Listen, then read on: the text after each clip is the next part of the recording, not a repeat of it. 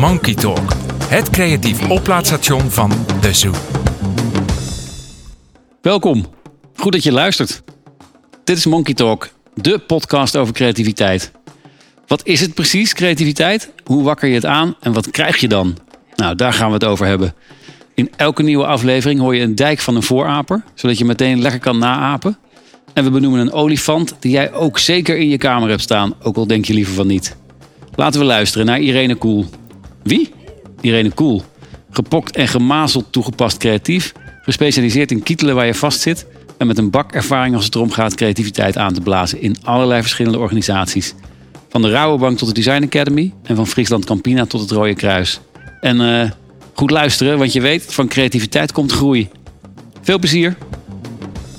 Ik wil bijna beginnen met een dik voor mekaar show-achtige opening.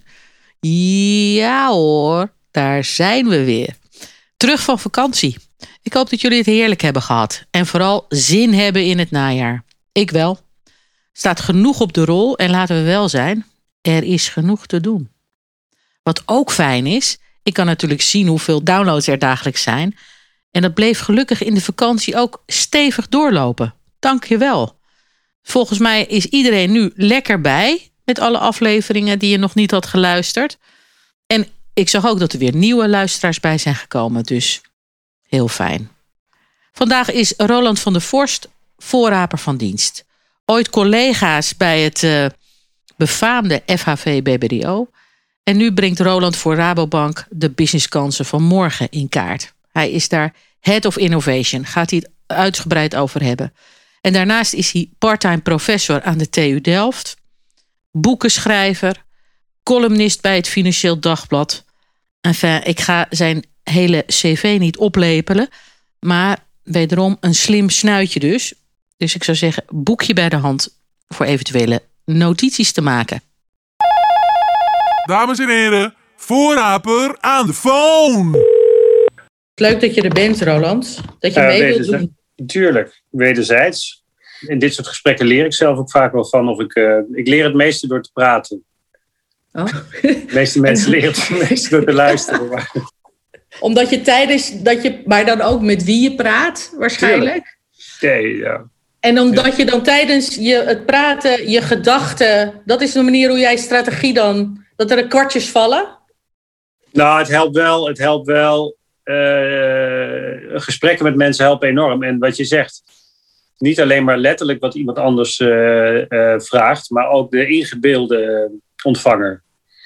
Dus nu weet ik dat jij, ik bedoel, wij, wij kennen elkaar al lang, elkaar denk ik volgens mij tien jaar niet gezien, of vijftien jaar, in ieder geval heel lang niet gezien. Of ja, daarvoor nog heel even, maar lang niet gezien. Dus je hebt ook een soort ingebeelde ontvanger. En die bepalen, die zetten je ook altijd op een spoor als ik nu met uh, de baas van Rabo praat, dan zet het op een ander spoor dan als ik met jou praat of met buurman praat. Ja. Daar, en daar leer je van. Hè. Je gaat allemaal spoortjes in. Ja, en je krijgt ja. weer nieuwe informatie zo binnen. Ja. Is dat ook hoe je nieuwsgierig blijft? Want jij hebt een boek geschreven over nieuwsgierigheid. Ja. Dus ik ga er even vanuit dat jij er alles van weet. Mooi is dat, hè? Als je een boek schrijft, weet je er alles van. Ja. Nou ja, ik heb er wel veel onderzoek naar gedaan. En um, heb ondertussen ook andere dingen geschreven weer. Dus uh, het is niet de, de, de, laatste, de theorie van de afgelopen vijf. Het is niet dat ik het heel erg bijhoud. Uh, omdat mijn interesse ook alweer andere kanten op gegaan is. Maar ja, ik weet er wel iets vanaf. Ook uit eigen ervaring. Maar ook uit wat ik heb eh, bedacht. Of wat ik heb beschreven en onderzocht. Uh, maar je vraag was of, of je zo nieuwsgierig blijft. Uh, Hoe je dat, want het is fundamenteel, ik denk dat nieuwsgierigheid fundamenteel is voor creativiteit. Ja. Uh, nou, dus, zelfs voor, voor mensen, denk ik, durf ik zelfs te zeggen. Want ik denk, kijk, nieuwsgierigheid voor mij is heel simpel willen weten. En het leuke nou is, er zit het woord willen in en het woord weten. En dat zijn nou precies de twee dingen waarvan we, waar ik vanuit ga dat we anders zijn dan dieren. We hebben een wil, een autonome wil, tenminste, dat denken we, maar in ieder geval in tegenstelling tot uh, dieren. En wij hebben, dus we hebben uh, streefvermogens. We willen doelen stellen, dat soort dingen. Dat doen meestal dieren niet. Die zijn veel meer primair. Tenminste, daar gaan we vanuit. En wij uh, hebben verbeeldingsvermogen. Wat bij de meeste dieren ook uh, minder is. Daar gaan we vanuit. Dus het is heel menselijk. Het is willen weten. Het is het streven naar, en dan kom ik op creativiteit. Voor mij heeft het naar ook verbeelding en kennis te krijgen om je verbeelding aan het werk te zetten. Dat is het in ieder geval voor mij. Voor heel veel andere mensen niet. Hè? Je hebt verschillende vormen van nieuwsgierigheid. maar voor mij is het heel vaak te maken met iets willen maken. Er is een heel mooi gedichtje van Leo Vrooman. En dat zegt voor mij alles. Het, uh, dat, uh, dat zegt, de, de, dingen waar ik iets van zeg, uh, die wiggelen, waggelen weg. En de dingen waar ik bijna iets mee doe, kruipen nieuwsgierig naar me toe. Ja, mooi. En dat zegt eigenlijk precies wat voor mij nieuwsgierigheid is. Dus je, moet er, je wil er bijna iets mee doen. Ja. En dat doen is voor mij vaak toch een idee. Ja, dus nieuwsgierigheid leidt tot doen. Voor mij wel. Het zet informatiezoekgedrag in werking. Het leidt dus tot, uh, tot uh, handelen, tot doen, ja. En om te willen weten, daarvoor en daaromheen is ook een openheid nodig. Dus dat je niet helemaal dicht zit met je oordelen en overtuigingen. Ja. En er zit ook wel iets van durf in. Want ja. ja willen weten, dan moet je ook hè, ja. je oogjes open en durven te vragen. Ja, Nee, zeker. En uh, dus je hebt er wat vertrouwen bij nodig. Je moet het leuk vinden. Uh, uh, je moet ongemak ook niet erg vinden.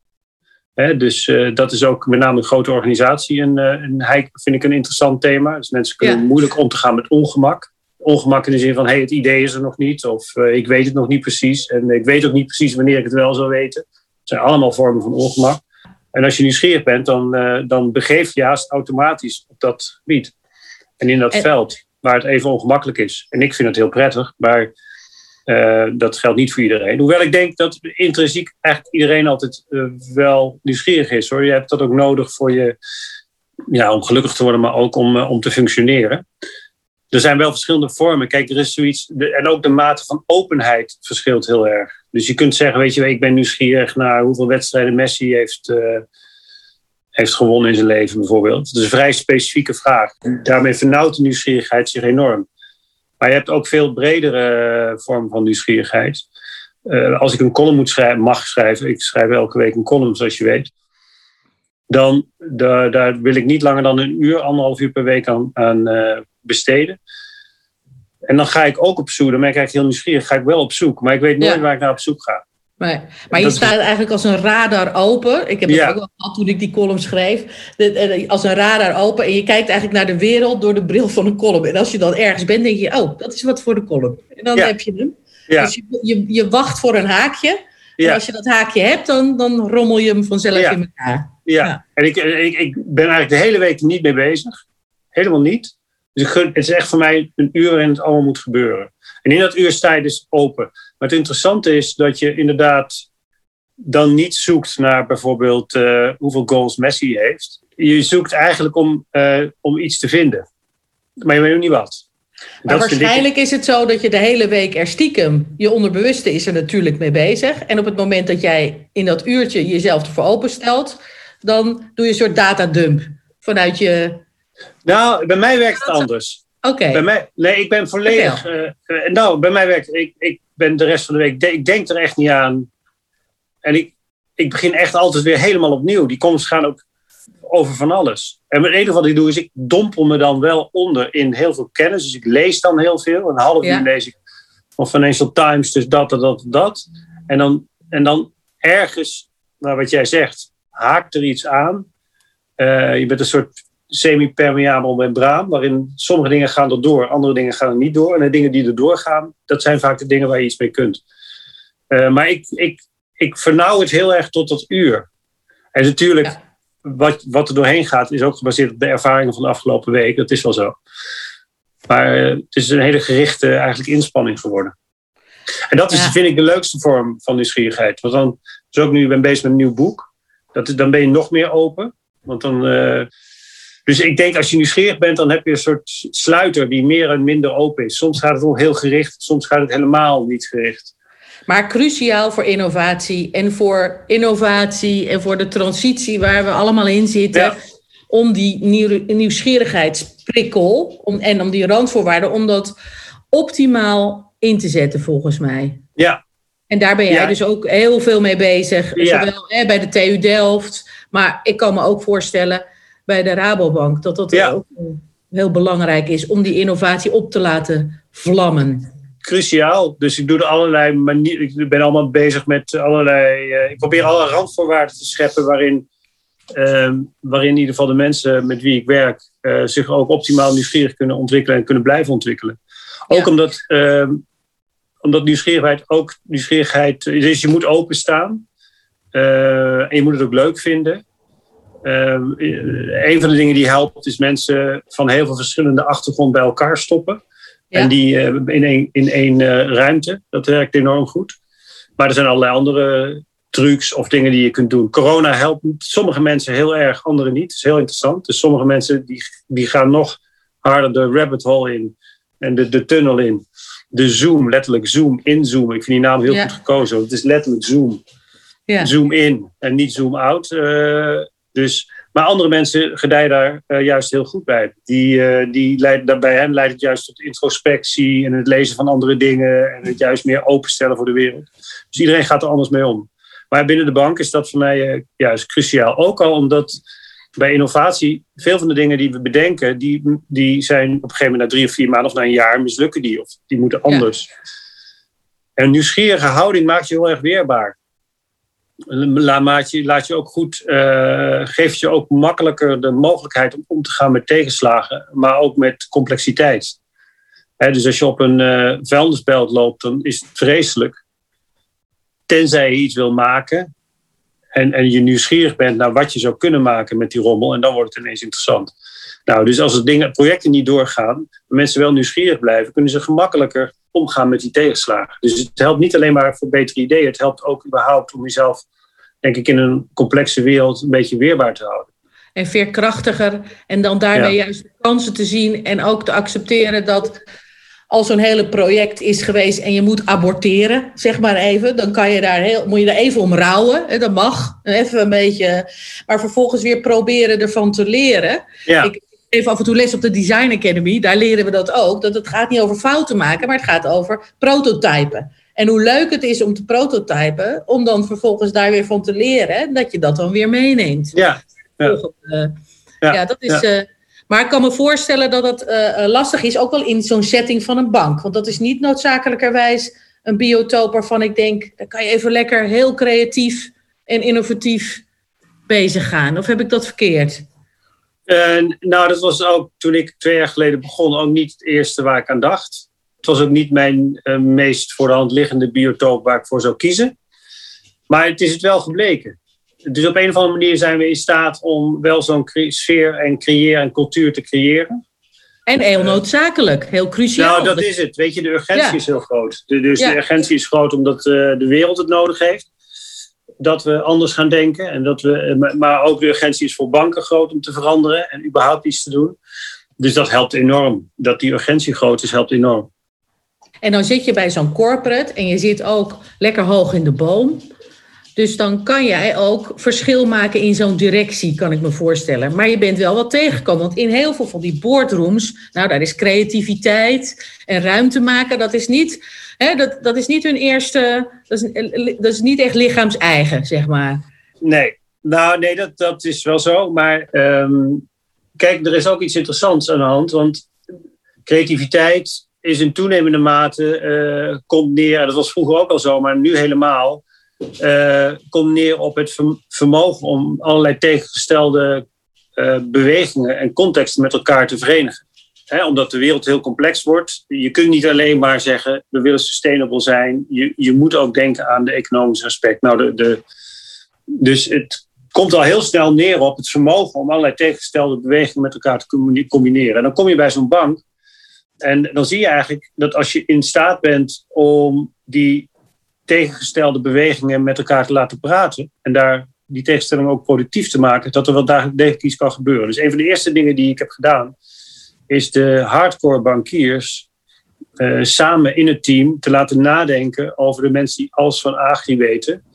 Uh, um, en, en, en alles weten over AgTech bijvoorbeeld, dus uh, agricultural technology. Ja. Dus we hebben voortdurend die verbindingen gemaakt Waardoor het ook voor de mensen die in één silo zitten best overzichtelijk is. En ook uh, en niet zo eng is. Dus als je in staat bent om die verbindingen te maken tussen die werelden, dan is er heel veel mogelijk. En, dan wat, gebeurde er, wat gebeurde er bij die bankiers? Wat zag je daar gebeuren? Dat ze, nou dat ze mee mochten doen? Nou, de bankier bestaat natuurlijk niet. Maar uh, laat ik zeggen, uh, bijvoorbeeld, we hebben. Een van de initiatieven is dat we, dat we we zijn begonnen al heel vroeg, nu heeft de hele wereld erover, maar wij waren eigenlijk anderhalf jaar geleden al bezig met carbon, hè, dus CO2-uitstoot, uh, niet uitstoot, maar sorry, het opnemen van CO2 in, de lucht, in, de, in bomen. daar waren we eigenlijk heel vroeg mee bezig. En een van de ideeën die we mee bezig waren was: oké, wat, nou, wat zou nou mooi zijn als we kleine boeren kunnen overtuigen om bomen te planten op hun land, uh, naast hun, uh, hun, hun, gewone land. Uh, agroforestry heet dat, waardoor die bodem minder snel degenereert.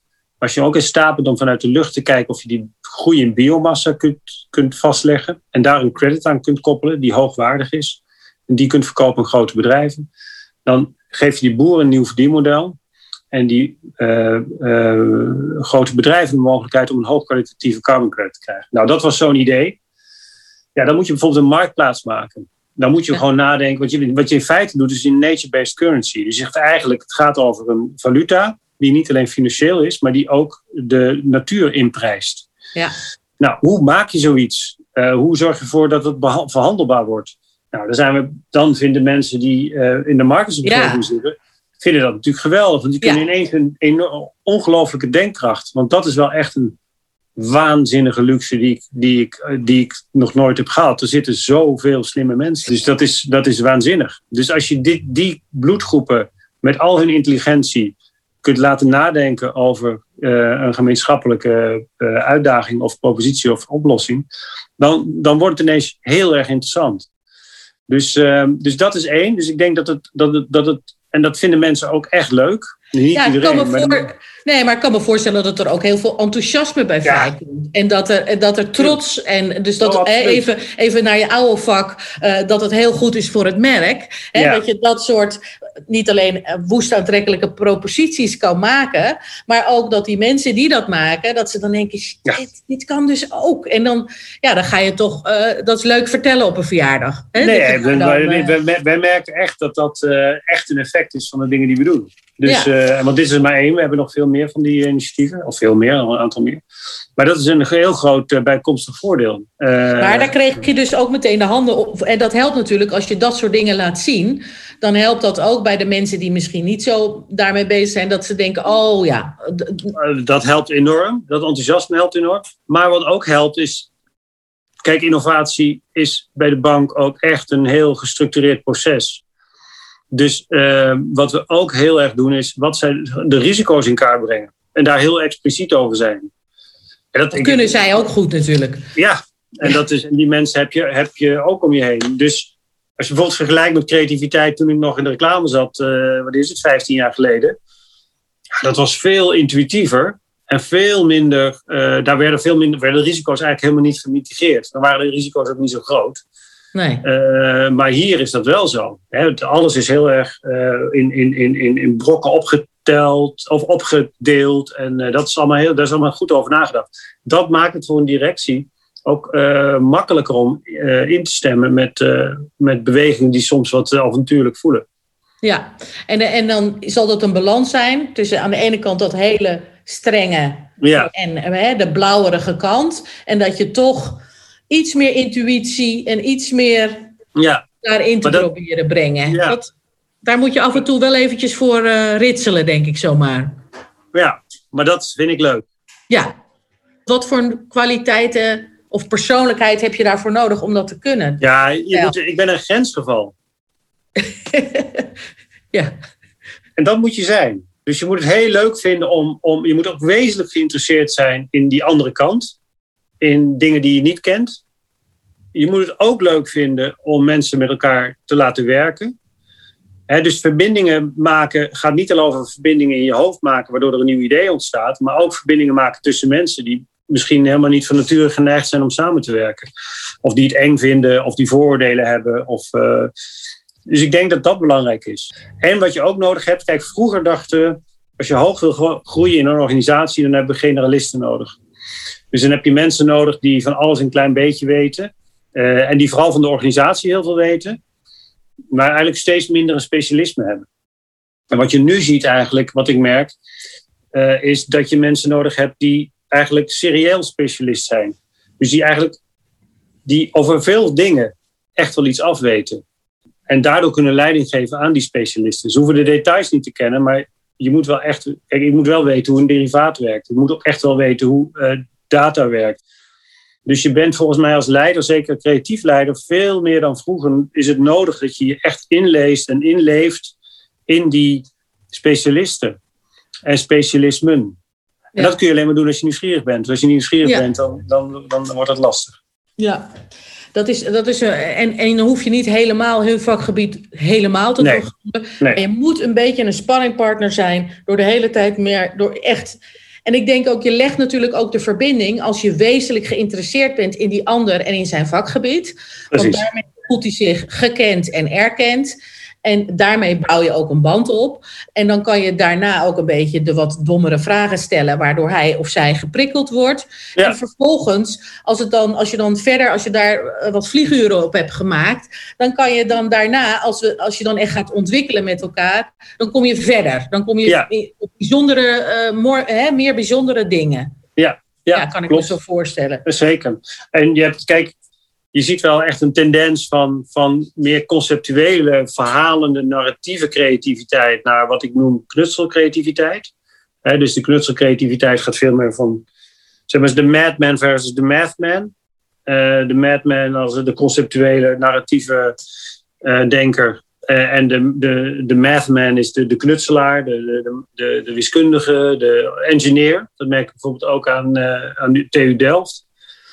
Dat zijn hele creatieve mensen, maar veel minder narratief, conceptueel, maar veel meer knutselen. Het is bijna Design, is... Academy, Design Academy in TU Delft. Ja, exact. Precies. Ja. Dat zijn twee, precies die twee. Ja. En uh, de kunst is ook daar een verbinding te leggen. Want je ja. hebt die knutselaars heel goed nodig, omdat het, alle innovaties die ik heb zijn per definitie eigenlijk bijna allemaal technologische uh, oplossingen.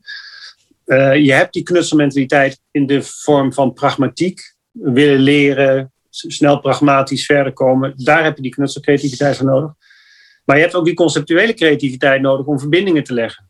Die is heel belangrijk om, voor in het leggen van verbindingen. Dus uh, tussen vakgebieden, om te kunnen overtuigen, om. Uh, nou, ja, ook dat... om die droom, om die droom ja. te, bijna ja. ietsjes dichterbij te halen. Want daar krijg je natuurlijk energie van. Dat je dan een beetje zoiets hebt van, oh, als we dat nou toch eens kunnen. Weet je, dat geeft. En die energie heb je wel nodig om dan inderdaad dat harde werken van het prototypen ook aan te kunnen. Ja, ja, ja exact. Helemaal waar. Ja. En hebben jullie daar ook veel plezier in, als jullie dat aan het maken zijn? Ja, ik heb lol gemaakt. Ik, ja, ik heb, ja, ik wel. Het is, moet wel zeggen, het is echt anders met, uh, met COVID. Hè, want mijn team is ook nog eens een keer in de jaartijd echt geëxplodeerd. Dus toen ik kwam, uh, toen uh, was er eigenlijk niet zoveel. Dus ik ben met een man of negen begonnen, denk ik. En dat is nu echt geëxplodeerd in het wereldwijd. En nu zit je op hoeveel? Ja, ik 100? denk dat dat ja, zoiets. Maar in een jaar tijd, dus dat is best. Ja, uh, dat, dat, is heel dat, veel. En ook nog eens een keer in COVID. Ja. Dus dat zijn allemaal mensen die ook in de business, hè, dus niet alleen maar op innovatie werken, maar die vanuit de business werken voor innovaties. Maar dan wel, dat zijn wel mensen die al die projecten aan het doen zijn. Dus heb je dan veel lol? Ja, maar ik zie er echt naar uit om elkaar weer te zien. Ja, dat is zeker. Uh, dat is, ja. Uh... ja. Hoe maak jij uh, ruimte voor jouw eigen creativiteit? Ben je nog zo gek op poëzie? Oh ja, ja ik, ik heb hier echt. Je wil niet weten wat ik hier allemaal heb. Uh, in termen van, uh, je, kunt hier echt, uh, je kunt hier echt je lol op.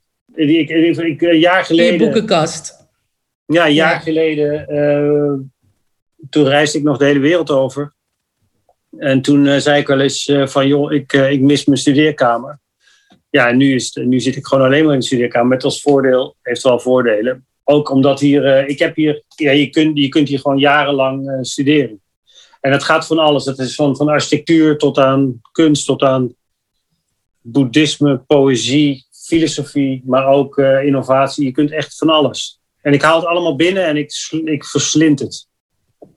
En, dat, dat, dat le en dan lees je heel snel? Ja, er zijn twee vormen van uh, lezen weer. De eerste is dat ik gewoon rustig, maar dat gebeurt niet zo vaak. rustig gewoon dingen over me heen laat komen. Bijna meditatieve lezen. Mijn meeste lezen is eigenlijk ook hoe ik een column wil schrijven, is dat ik iets wil vinden. Ja, ja, ja. Dus dat ik weet dat er, er zit wat in, maar ik weet nog niet wat. Dus dan ga ik lezen en meestal weet ik dan wel, na een paar uur heb ik dat boek wel, weet ik wel de essentie. En heb ik wel gevonden wat ik wil vinden. Ja, dus jij scant een boek in plaats van dat je hem leest. Tot het moment dat ik bijna iets gevonden heb en dan lees ik het heel precies. Ja. Dus je studeerkamer is jouw bron van creativiteit. En het reizen zo direct natuurlijk ook. Het reizen, maar ook het, uh, ik loop veel. Ik mediteer, ik doe van alles. Ja. Dus, nee, de, dus ik heb voldoende, voldoende. En dan is een voordeel, ik heb, ik heb het geluk dat ik bijvoorbeeld een column mag schrijven, dat ik, uh, dat ik mezelf uh, toch weer toesta om een boek te maken. Dus ik heb altijd wel projecten die me aanzwengelen om weer op zoek te gaan. En je hebt ook een redelijk vrije rol in bij de Rabobank kunnen regelen. Nou ja, in de zin van de vrij, in de zin van dat ik, dat, dat ik zelf bepaal welke innovaties ik wil doen en hoe ze zijn. En, uh, en dat ik daarvoor voor de uitvoering en bedenken helemaal van zelf eindverantwoordelijk ben. Dus in die zin vrij. Niet vrij, omdat ik gewoon uh, voor mezelf, maar ook voor de bank, gewoon echt een uh, behoorlijke inkomenstarget heb voor, ja. gesteld voor de komende twee tot drie jaar. Maar dat is alleen maar goed. maar wel in de manier, in, in wat ik bedien, of wat ik ga bedenken en doen. Voor de, daarin ben ik dat bedenk ik zelf. Ja. En als je nou andere leiders zou tips moeten geven over hoe zij creativiteit en innovatie in hun bedrijf kunnen aanjagen. En hoe ze hun mededirectieleden iets meer kunnen opporren om wat ruimte daarvoor te krijgen. Wat zou je ze dan adviseren? Ja, het hangt heel, het hangt heel op. Ik werk internationaal, dus voor sowieso hangt het heel van de cultuur af. Dus ik heb een keer, uh, ik zal nooit vergeten dat ik een uh, keer in Singapore een uh, brainstorm organiseerde. En daar moest ik ja, allemaal hele, hele ambitieuze mensen, heel eager. en er kwam helemaal niks uit. Dus toen dacht ik, oké, het eerste wat ik ga doen is mezelf kwetsbaar opstellen. Dus gewoon zelf idiote ideeën bedenken. Dus ik dacht misschien dat het mensen daardoor de gêne van een stom idee misschien wegvalt.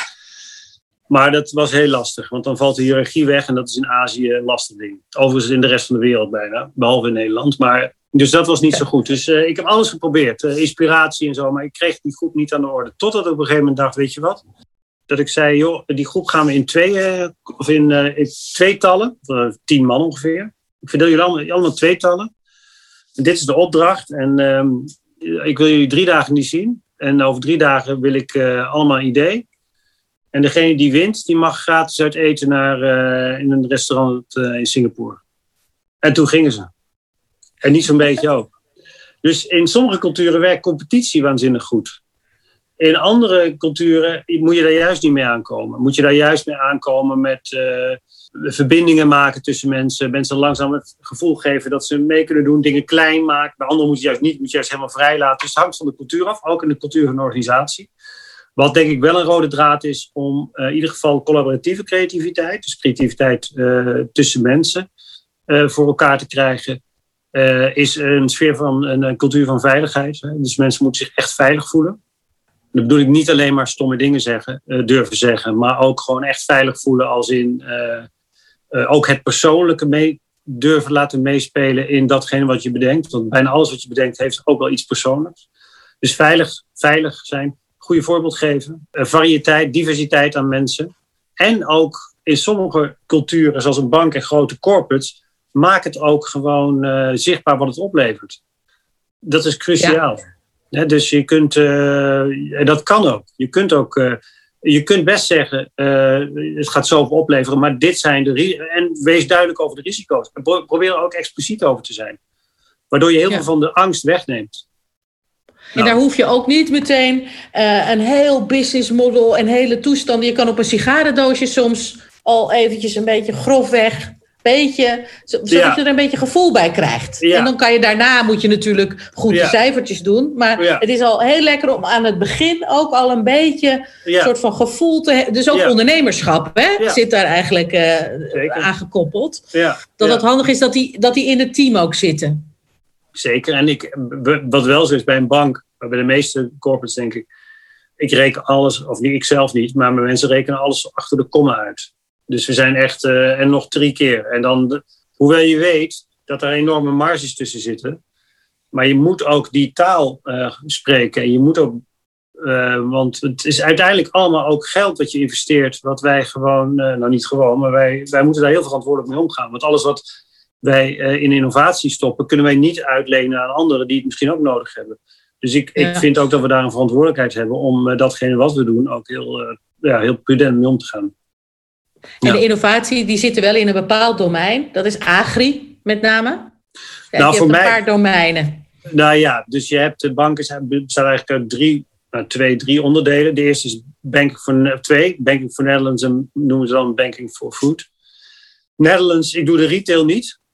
Dus ik doe niet uh, innovatie voor de, voor de consumenten. En de kleine bedrijven in Nederland.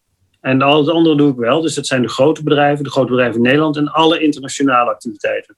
En onze internationale activiteiten is uh, vooral voet en agri. We zijn nog vooral groot in uh, voet en ja. agri. Dus dat betekent, we hebben die grote boeren, de kleine boeren, we hebben de voedbedrijven. Ja. Maar het is toch ook lekker om te kiezen? Want dat is het ja, ook. Voor mij, voor mij is dat perfect. Kijk, want uh, juist omdat ik zo'n.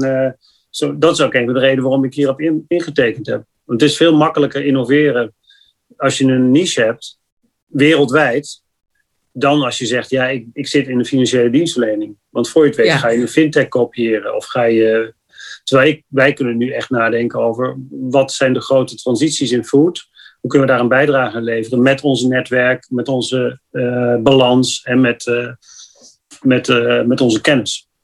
Maar dat ja. is eigenlijk ook wel een dikke tip voor directies. Zoek een niche ja. Wat, wat, klopt, wat klopt bij jouw eigen identiteit en bij waar jij goed in bent en waar ook de lichtjes in de ogen van aangaan. Ja. En wat, wat ook goed afstraalt op je merk. En ga lekker in die niche lekker excelleren. Ga daar ja. uh, lekker op zoek. En waar, en waar, je, waar je ook geloofwaardig in bent. Ja. Dus wij, wij kijk, zo'n zo'n zo'n idee over carbon, ja, je kunt zeggen, dat, dat staat behoorlijk ver af van wat een bank normaal doet. Toch hebben wij die geloofwaardigheid bij grote bedrijven en ook bij de, de NGO's en de partijen die je ook nodig hebt in dat veld.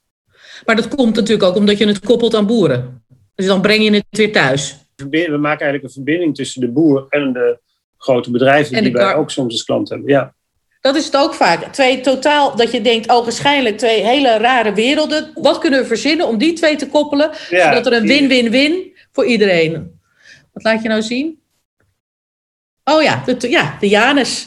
Precies de Janus-kop laat je me nu zien. Ja. Dat je die twee verschillende werelden aan elkaar... dat is ook een manier om, om weer tot een nieuw idee te komen. Ja, dat is, uh, dat is een heel mooi boek hè, van Rothenberg. Ik heb het hier wel ergens staan. Dat is een Amerikaanse psychiater. Die heeft in de jaren zeventig een boek geschreven... over waar komen nou alle grote ideeën vandaan. En uh, dus die is naar wetenschappers gaan kijken... maar ook naar uh, kunstenaars, en een van zijn conclusies was uh, Janusian thinking, wat hij noemt. Dus Janus denken. Dus het tegelijkertijd laten bestaan van twee ogenschijnlijk tegenstrijdige dingen. Dus we zijn allemaal, we worden nu gevaccineerd, mensen die het willen. Maar dat is natuurlijk ook gebaseerd op het idee, ik ga mezelf eerst ziek maken en daarna word ik beter. Dus daar probeer je ook eigenlijk dingen die niet kloppen met elkaar te verenigen, waardoor er een oplossing ontstaat. En, en uh, nou, het is in ieder geval, zeker nu de wereld complexer wordt en er juist ook veel meer tegenstrijdige belangen zijn, Ehm, zie ik dat als een belangrijke bron van innovatie. Het kunnen verenigen van die dingen. Ja, en, en er zitten nogal wat tegenstrijdigheden in deze wereld en wat polariteiten. En dat is het, het leuke, als je die met elkaar kan. Uh, Janus denken. Dat is wel een goede, goede naam voor een bureau, Janus. Ja, ik vind het al heel raar niet. Ik kan het wel, kan wel boeken laten zien. Nou, wat wel leuk is, Roland, als je een stukje poëzie hebt. Nou, deze bijvoorbeeld is goed. Dit is Rothenberg. Maar het is allemaal oh, ja. tweedehands, hè? En Kustler in de jaren zeventig heeft erover geschreven. Er is heel veel over verschenen. Over Poëzie, Janus denken. wat zeg je? Over Janus denken is heel veel ja. geschreven. Ja. ja. Zeker in de jaren zeventig eigenlijk. Nu, en nu komt het ook langzaam weer op. Maar uh, je moet eigenlijk die oude boeken weer eens pakken. Dan uh, kun je er... Uh... En ik heb er in mijn boek over uh, contrarian branding. Ik heb een boekje geschreven voor mijn studenten. Daar gebruik ik, een van de strategieën is daar ook om dat uh, te doen. Hoe kun je nou dingen met elkaar verbinden? Ja. En je studenten, wat leer je die zoal? Nou, uh, die probeer ik juist conceptueel, conceptuele creativiteit meer mee te geven. Omdat het TU-studenten zijn die waanzinnig goed dingen kunnen bedenken vanuit die techniek, vanuit die techniek en vanuit, nou ook vanuit mens, maar heel erg op een knutselachtige manier. Uh, maar die vinden het soms nog wel lastig om wat conceptueler te zijn. Ook dingen onder woorden te brengen. Dus veel van de dingen die ik doe gaat ook gaan over woorden. Ze kunnen heel goed met beelden, meestal. Maar het probleem in een beeld is dat het meer zegt dan duizend woorden. Ja, dat is precies het probleem. Dus je hebt vaak woorden, nou, duiding nodig. Dus, uh, ja. dus hoe kun je precies dingen duiden, is ook wel echt iets wat ik, uh, wat ik aan het leren ben. Maar ik ben er laatst, laatst achtergekomen, want ik, viel mij op dat het, dat het zo moeizaam ging. Toen ben ik eens ingedoken en toen hoorde ik later dat zeg maar, het vermogen om dat te kunnen doen ook echt met de jaren komt.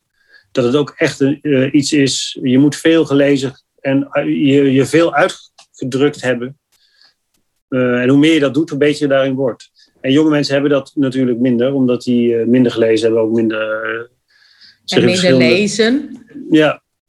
En het is, maar het is natuurlijk wel belangrijk dat jij ook als vooraper daar dat je eh, door, door mensen mee te nemen en door zich bewust te laten zijn van taal. Ik herken dat hoor, want bij de Design Academy zijn ze ook niet zo van lezen en ook niet zo van schrijven. Dus dan is een taal, een schrijven, eh, leren schrijven en dan ook woest aantrekkelijk schrijven. En hoe taal een katapult is. dat je dan heel specifiek en dat je rustig uh, een half uur over één woord kan praten. Van wat, en de nuance ook van dingen daarin aanvoelen dat dat door ze dat gewoon aan te reiken, daarmee zet je het, en ze zullen het misschien niet meteen goed doen, maar gaandeweg komt dat vast, uh, is het heel erg belangrijk. Zeker. En zeker, ook die verhalende, hè, dat storytelling daarin, dat is heel belangrijk. Zeker ook omdat uh, hoe meer je in grote organisaties komt, hoe afgesletener de taal gebruikt. Vreselijk, hè? Uh, waardoor het op een gegeven moment ook echt niet, niet zeggend wordt en dus de strategie ook slechter wordt. Kijk, strategie moet toch richting geven. Op het moment dat je begrippen gebruikt die multi-interpretabel zijn of platgetreden zijn, dan inspireren ze niet alleen, maar ze geven ook steeds minder richting. En, en, en daar is er wel heel veel van. Daar is er oh, oh knettergek Vreselijk, knettergek. Ja. Van dat jargon en die open deuren. En, heel veel Engels door het Nederlands. En het, ja. Ja. Dus daar, daar kan je ook je lol bij op bij de Rabobank. Daar kan je Zeker. elke keer puntige opmerkingen over maken. Ja, nou, het enige wat helpt is een ander, proberen een ander voorbeeld te geven. En proberen die, uh, die begrippen niet te gebruiken. Dat is wat ik in ieder geval probeer. En zo ben je een hele goede voorraad. Ook nou, bij de Rabobank. Dankjewel, Roland. Was leuk, dankjewel. Voor het leuke gesprek. Ja, wederzijds. Dankjewel. Nou, dag, voorraper aan de phone. De dingen waar ik iets van zeg, die wiggelen waggelen weg. De dingen waar ik bijna iets mee doe, kruipen nieuwsgierig naar mij toe. Mooi, wijs gedicht van Leo Vrooman. Dankjewel, Roland. Mooi gesprek ook weer. En wat is er veel gezegd? Gelukkig kan je terugluisteren. Kleine recap. Hoewel, nieuwsgierigheid is willen weten. En dat is niet alleen handig bij het aanwakkeren van creativiteit, maar sowieso een overal goede grondhouding natuurlijk. Wil weten. En Roland, voor jou, pas later dacht ik nog, zijn dieren nou echt niet nieuwsgierig? Dus even gecheckt bij Sarah Mutsaars, dier- en menswetenschapper, aflevering 2. En de dieren die zichzelf in een spiegel herkennen, die zijn wel degelijk nieuwsgierig. Dus chimpansees, bonobo's, orang-oetangs. Gek genoeg gorilla's dus niet. Maar ook dolfijnen en de Aziatische olifant bijvoorbeeld. Gaan we het vast nog wel eens over hebben. En dan nog, er zijn natuurlijk verschillende vormen van nieuwsgierigheid. Kennis krijgen om je verbeelding aan het werk te zetten. Iets willen maken. Nieuwsgierigheid helpt ook bij te gaan doen. En wat ik daar ook weer een mooie vond, dat als je een nieuwsgierige houding hebt, dan helpt dat niet alleen maar bij de ontwikkeling, maar het maakt je ook weerbaar. Want als er dan tegenslag komt, wat er altijd komt bij innovatie, omdat je nieuwsgierig bent, ben je altijd toch weer op zoek naar een oplossing te vinden. En dat helpt dus enorm. Goed om te zien dat de ingrediënten die nodig zijn voor innovatie ook weer langskwamen. Dus dikke tips. Die blijven toch altijd komen. Breng bewust buiten naar binnen. Laat heel verschillende disciplines met elkaar werken. Allemaal open deurtjes En woest ingewikkeld natuurlijk ook, maar het is wel gewoon waar. En doe er anders twee gewoon eens heel goed voor een half jaar. Hocus focus daar dan. Strak proces met fases. Ik zeg check design thinking. En maak een uitgebreide risico-inschatten en kostenraming. Dat wordt vaak niet gedaan, maar dat kan echt. Zoek daar anders iemand voor in de organisatie die dat ook echt goed kan. Zeker eh, als je met scenario's werkt, kan dat. Uh, en dat geeft ook hele goede handvatten om besluitvorming uh, te krijgen. En je zit ook meteen in de taal van de directie en van investeerders. Als je daarmee te maken krijgt. Dus dat helpt ook, want je moet die plannen toch pitchen. Het is heel handig om een innovatie aanwakkeraar te hebben, zei Roland. Iemand die van genoeg zaken weet, weet wat er speelt en een verbinding kan leggen. Een soort satéprikker. want je hebt toch vaak heel veel verschillende afdelingen, verschillende silo's. Links weet niet wat rechts doet. Dus dan is dat handig om iemand te hebben, een groepje te hebben die er doorheen wiggelen en waggelen, zou ik zeggen. Eigenlijk heb je voor goede innovatie dus mensen nodig die serieel specialist zijn, zoals Roland dat noemde. Ze genereren vanuit verschillende perspectieven oplossingen. En daar komt ook weer nieuwsgierigheid bij kijken. En dat merk ik ook wel als wij werken vanuit de zoo. Werken we natuurlijk voor heel veel verschillende uiteenlopende branches. En de enige reden waarom je dat ook goed kan doen, is omdat je wezenlijk geïnteresseerd en nieuwsgierig bent. En daardoor het is een soort schoolreisje wat je dan ingaat. Ben je zo, zuig je jezelf zo snel vol met allemaal informatie. Dat kan je dan ook, omdat je echt wezenlijk nieuwsgierig bent. En dan kan je snel verbindingen leggen. Maar omdat je toch van buiten komt, hou je, heb je nog wel een beetje die afstand. De mathman versus de madman. Ook een mooie. dus de conceptuele narratieve creatief, verhalend. En, en de strategische denker daarin. En, en ook de mathman, dat is meer de engineer. Hij noemde het de knutselaar. de, degene die het echt kan maken ook. En ook de techniekkant uh, beheerst. Eigenlijk die verschillende snuitjes die je in een team wilt hebben. Vanuit zijn heerlijke studiekamer, die al een hele wereld behelst, geeft hij als boekentip boeken en artikelen van Albert Rothenberg rondom creativiteit. Hij is uh, creativiteitsresearcher, psychiater van oorsprong. En heeft onderzoek gedaan naar creativiteit en de creatieve output van heel veel Nobelprijswinnaars. En daaruit kwam naar voren dat deze genieën vaak gebruik maakten van een Janesiaanse stijl van denken. En zo tot doorbraken kwamen. Janus denken Net als de Romeinse god Janus, de god van het begin en het einde, die met twee of zelfs vier of zes gezichten in tegenovergestelde richtingen kon kijken. En zo werkt deze denkvorm ook. Dat je het tegelijk kan, kan laten bestaan van hele grote tegenstellingen en zo kan kijken hoe je dit kan laten kloppen. Juist in een wereld vol tegenstrijdigheden is dat natuurlijk een geweldige bron van innovatie. Eigenlijk het omarmen van polariteiten. En dan heb je dus het vermogen om holistisch en integraal te kunnen kijken. En dat is de kracht van uh, Janusiaans denken. Het belang van taal kwam ook voorbij, van innovatie. Ook al vaker genoemd, komt elke keer terug. Dus dat wordt een keertje een, uh, een hele aflevering. Taal is een katapult. Dus hoe je iets zegt, welke woorden je gebruikt, cruciaal. Ik denk nog even aan de aflevering met Daan Blijgrot over hoe hij praat met gemeentes, welke woorden hij moet gebruiken om dingen voor elkaar te krijgen. En voor het begeleiden van innovatie is dat echt cruciaal. Hoe zeg je dingen? Welke woorden gebruik je? Hoe komen die aan? Hoe horen mensen dat? Dus leer hoe dat werkt. Hey, kijk, een olifant. Olifanten benoemen. In de vakantie krijg je vaak zo'n eh, oud en nieuw gevoel. Hebben jullie dat ook? Dus zo'n, uh, wat ga ik anders doen? En uh, goede voornemens. Had ik ook weer. Een heel lijstje. Maar Peter had het ook. En die mailde mij. En die zei ook, ik zit nog steeds met tijd te worstelen. Nou, volgens mij is dat ook universeel. Ik wil dat toch echt veranderen, zei hij. Het is voor mij een olifant enorm. Want ik heb genoeg kennissen en boeken gelezen over time management en weet ik het allemaal. Denk aan Grip van uh, Rick Pastoor. Dus we weten het op kennisniveau weten we het wel. Maar het lukt me toch steeds niet. En dat komt vast door mijn eigen karakter, zei hij. Ik wil gewoon te veel. Of ik kan te weinig loslaten. Ik weet gewoon niet waar de tijd blijft. Nou, tja, Peter.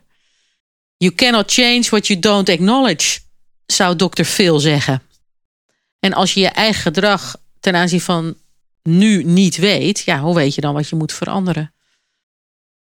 Als je dan dat vergelijkt met bijvoorbeeld voor je lichaam te zorgen en uh, bijvoorbeeld met uh, eten, dan ga je naar een diëtiste en het eerste wat ze je daar laten doen is een dagboekje bijhouden wat je allemaal eet en drinkt en van een uh, week, zeg maar. En dan wordt daarnaar gekeken en op basis daarvan wordt er een, een plan gemaakt. En zou het een idee zijn om dat ook toe te passen in tijd? Ik kom uit een wereld waar je gewoon uh, je uren op de kwartier moet schrijven. En dat heeft mij toch wel geleerd om heel goed te weten waar ik mijn tijd aan besteed. En wat dus zin heeft. En uh, wat dus ook niet billable is, zoals dat in die wereld heet. En uren schrijven. Kom ik wel bij tegen dat ik bij heel veel organisaties waar ik binnenkom, daar wordt gewoon niet uren geschreven. En dat is voor mij heel raar.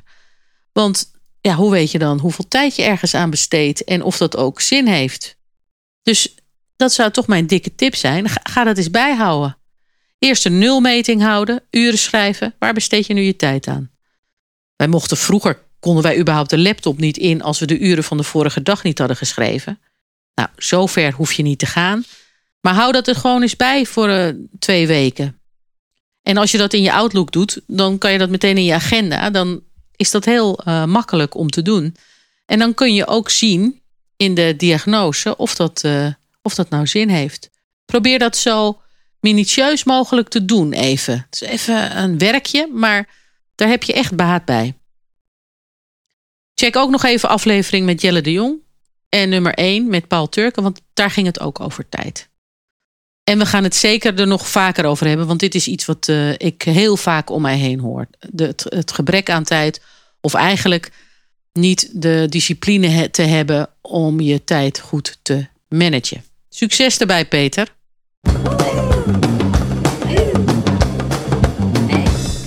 Dat was het weer, leuke luisteraar.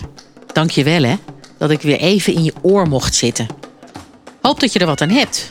Is dit nou je eerste Monkey Talk? Luister gerust naar de andere afleveringen. En als je dan drukt op de abonneerknop, dan krijg je automatisch de nieuwste afleveringen. Misschien handig. Over twee weken is er weer eentje. Tot die tijd, zet hem op, maak tijd, wees nieuwsgierig, wil weten. Wiggel en waggel nu maar weg. Dag, dag.